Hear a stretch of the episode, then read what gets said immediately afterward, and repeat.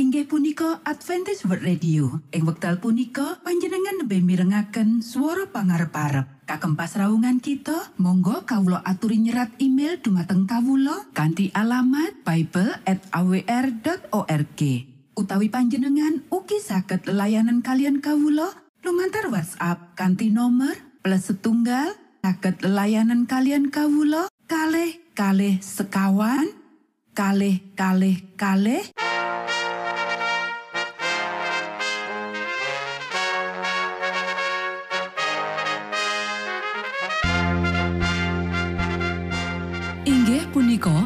Adventist World Radio ingkang giaran kanthi basa Jawi. Tentrem Rahayu kula aturaken kagem para mitra kinasih ing pundi papan lan panggonan. Sugeng pepanggian malih kalian Adventist World Radio. Kanti bingahing manah Kulo badi sesarengan kalian poro mitra kinasi. Lumantar saperangan adicara ingkang sampun rinonci. Mligi kagem panjenengan sami. Mugi giaran punika saged migunani tuen dados berkah kagem kita sedoyo. Sugeng midhangetaken Gusti amberkahi.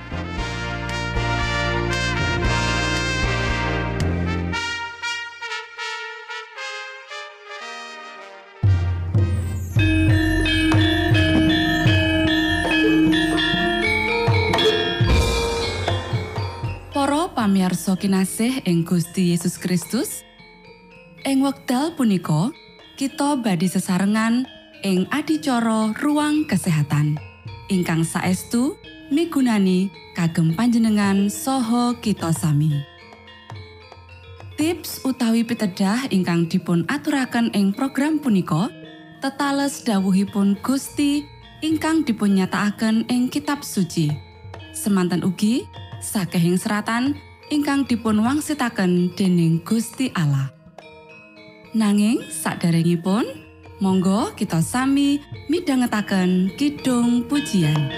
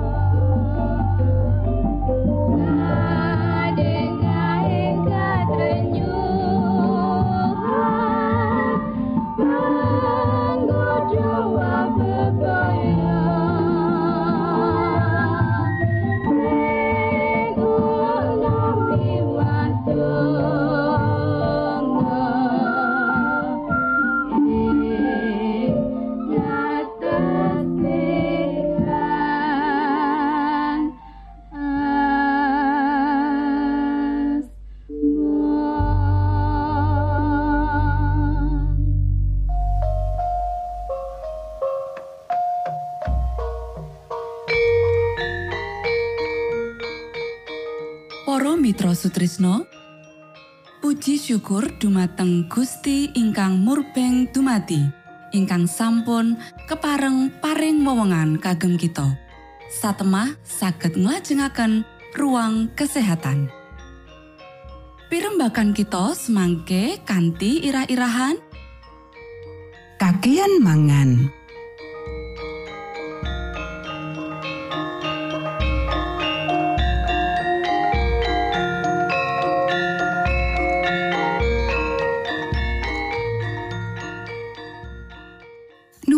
dumateng para pamiarsa ingkang dahat kinurmatan sugeng pepanggihan malih kalian kula Isti Kurnaidi ing adicara ruang kesehatan ing dinten punika kanthi irah-irahan kakean mangan.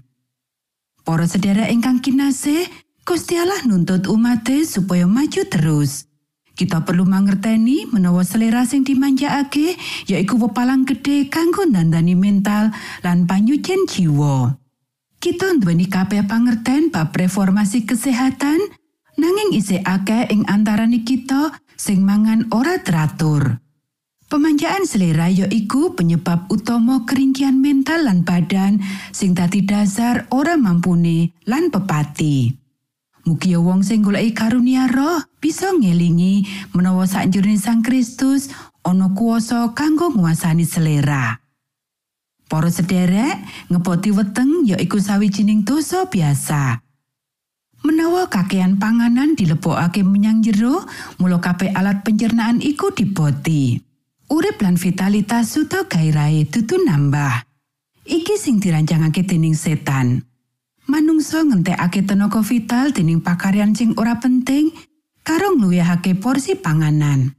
Kanti mangan panganan banget kakean, kita dudu mung kanthi sembrono buang berkah-berkah Gusti Allah sing disediakake kanggo kebutuhan alam, nanging kita uga banget ngrusak kabeh awak.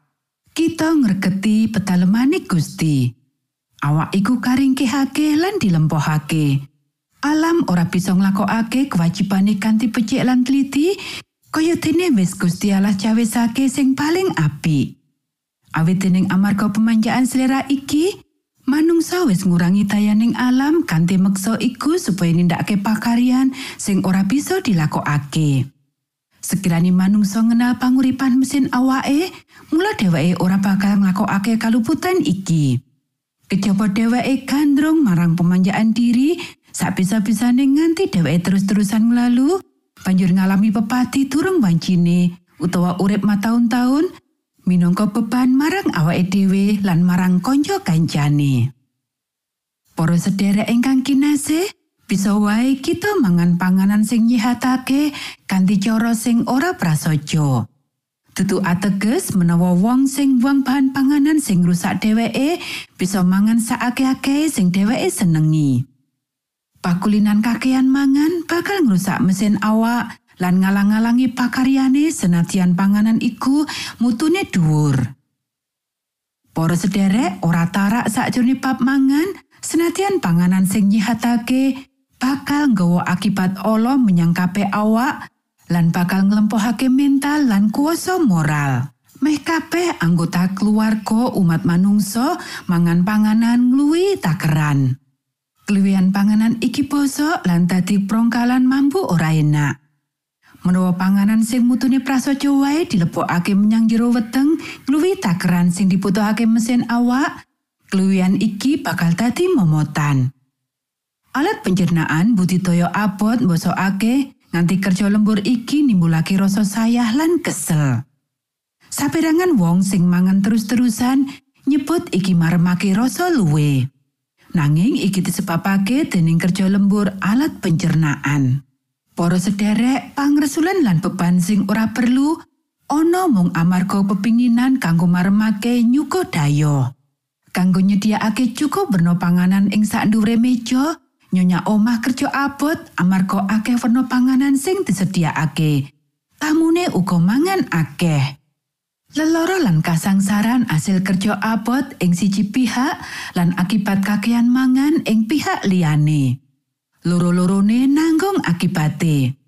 Pesta sing mewah iki sawijining beban lan pakebluk. Matur nuwun, Gusti amberkahi.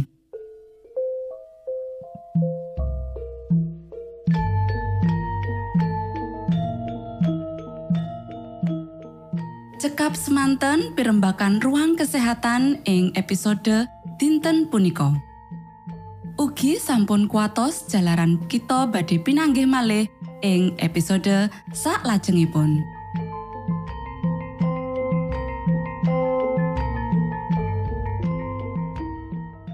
Inggih punika adicara ruang kesehatan. Menawi panjenengan gadah pitakenan utawi ngersakaken katrangan ingkang langkung, Monggo kula aturi kinton email dateng alamat ejcawr at gmail.com utawi lumantar WhatsApp kanti nomor 025 pitu 00 songo songo papat 00 pitu. Monggo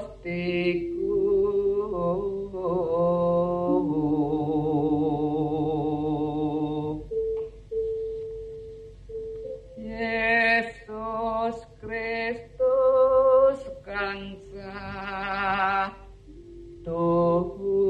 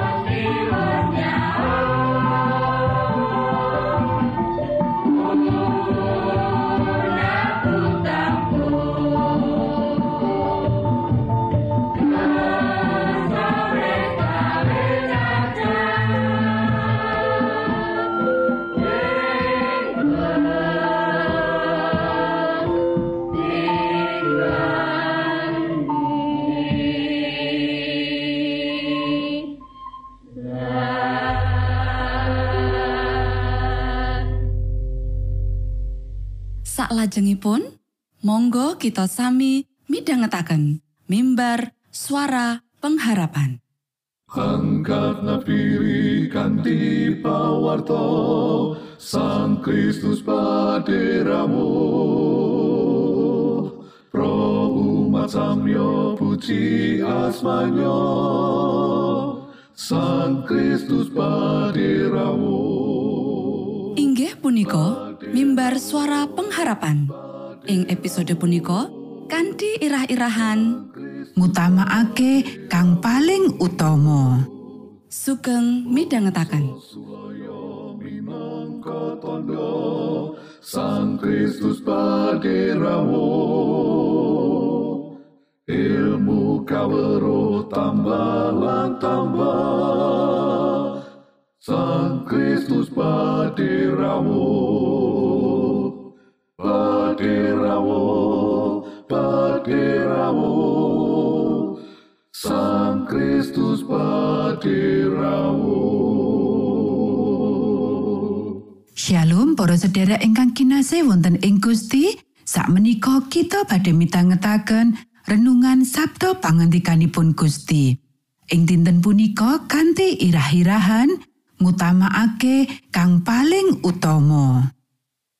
Para sedherek ingkang kinasih, dawuh pangandikane Gusti ing kitab Matius pasal 5 ayat 14 yaiku Kowe iku padha dadi pepadanging jagat. Para sedherek ingkang kinasih, bab sing langgeng kudu nggugah minat kita lan kudu dianggep wigati banget dibandingake karo barang-barang katonyan. Gusti Allah ndhawuhi kita ngutamakake kesehatan lan kesejahteraan jiwa kita.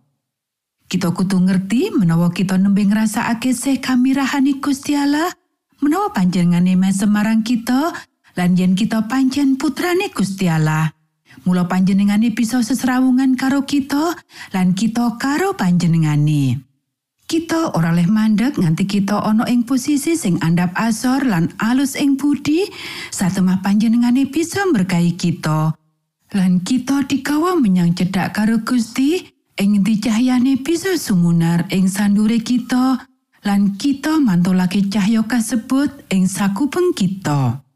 Kita ora bisa madangi wong liya kanggo narik kawigatene marang perkara-perkara swarga kajaba kita nduweni cahya ing jero kita.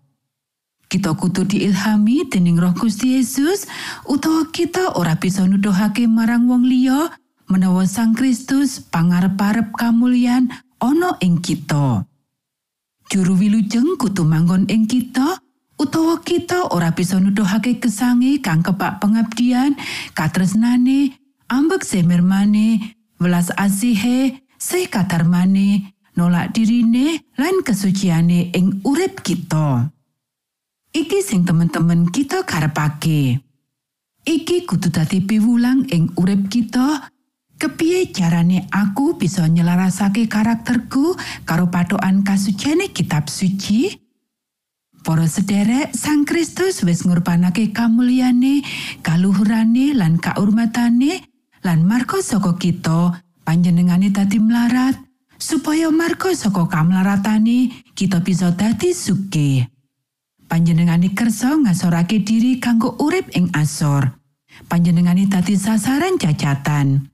Panjenengane dianggep nista lan ditampik dening manungsa.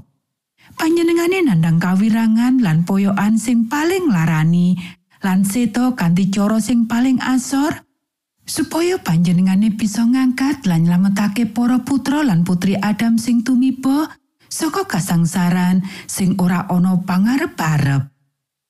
Deleng pangorbanan katresnan sing ora ana tandingane sing dituduhake dening Sang Panebus marang kita, Apa kita bakal ngendekake kabeh latusan kita sing ringkeh marang Gusti Allah? Apa kita bakal nggunakake kanggo bisnis utawa kasenengan pribadi? Wektu sing dicawisake kanggo kegiatan agama, sinau kitab suci, nliti ati lan ndedonga? Para sederek, kita ora bangun pangarep-arep kita ing kene, ing donya iki. Tumindak kita wis mene paseksen babagan kapitadosan kita menawa swarga iku pangarep-arep kita. Monggo kita sami ndedonga. Durama kawula ingkang wonten ing swarga, asma patuko mugi kasucikaken. Kraton patuko mugi rawuh, karsa patuko mugi kalampahan wonten ing bumi kados dene wonten ing swarga. Kawula mugi kaparingan rejeki kawula sak cekapipun ing dinten punika. So patuko mugi ngapunten kalepatan kawula kados dene kawula inggih ngapunteni tetiang ingkang kalepatan dhateng kawula. Punapa dene kawula mugi sampun ngantos katantukaken dhateng ing panggoda nanging mugi sami patuko uwalaken saking piawon. Awit dene patuko ingkang kagungan kraton saha wisesa tuwin kamulyan salami-laminipun. Amin.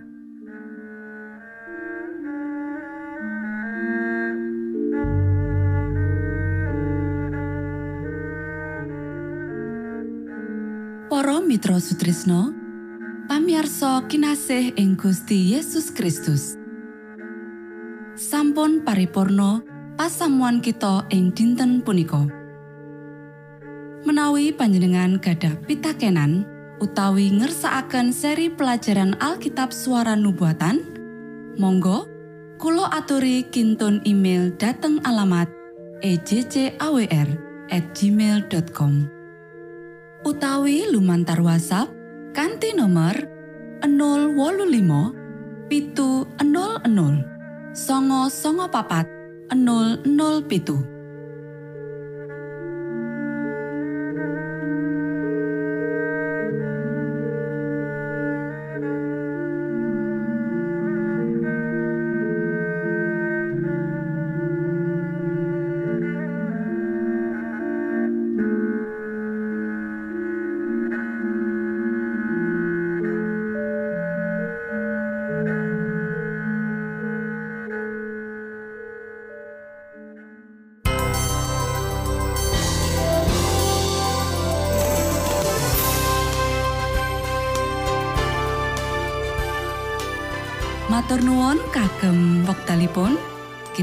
badhe pinanggih malih ing gelombang ugi wekdal ingkang sami. Saking studio kula ngaturaken tentrem rahayu. Gusti amberkahi kita sedaya. Maranata.